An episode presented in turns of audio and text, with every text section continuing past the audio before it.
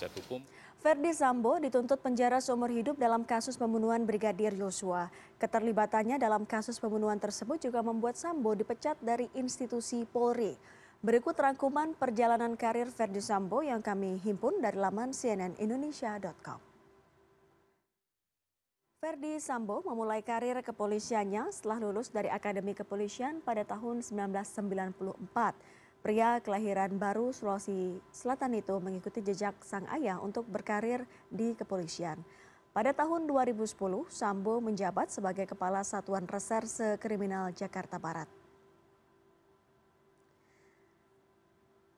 Karirnya terus melesat sejak dipromosikan dari Kasat Reskrim Polres Jakarta Barat menjadi Kapolres Purbalingga, Jawa Tengah pada 2012. Setahun kemudian, ia dipilih sebagai Kapolres Brebes. Tiga tahun kemudian, ia kembali berkutat di dunia reserse sebagai Wakil Direktur Reserse Kriminal Umum Polda Metro Jaya. Semasa kepemimpinan Kapolri Tito Karnavian pada tahun 2016, Ferdi Sambo dipromosikan sebagai Kepala Subdirektorat 4 dan Kasubdit 3 Direktorat Tindak Pidana Umum Bareskrim Polri.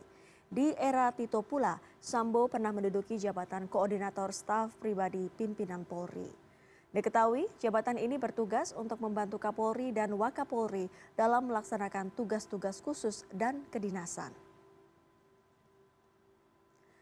Pada tahun 2020, Kapolri saat itu Idam Aziz memberikan promosi kepada Sambo.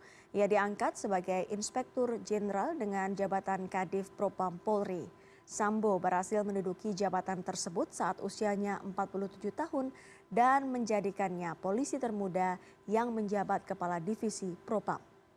Sayangnya posisi ini tidak bertahan lama. Pada 2006, maksud kami 26 Agustus 2022, Verdi Sambo diberikan sanksi pemberhentian tidak dengan hormat setelah ia menjadi tersangka dalam kasus pembunuhan Brigadir Yosua.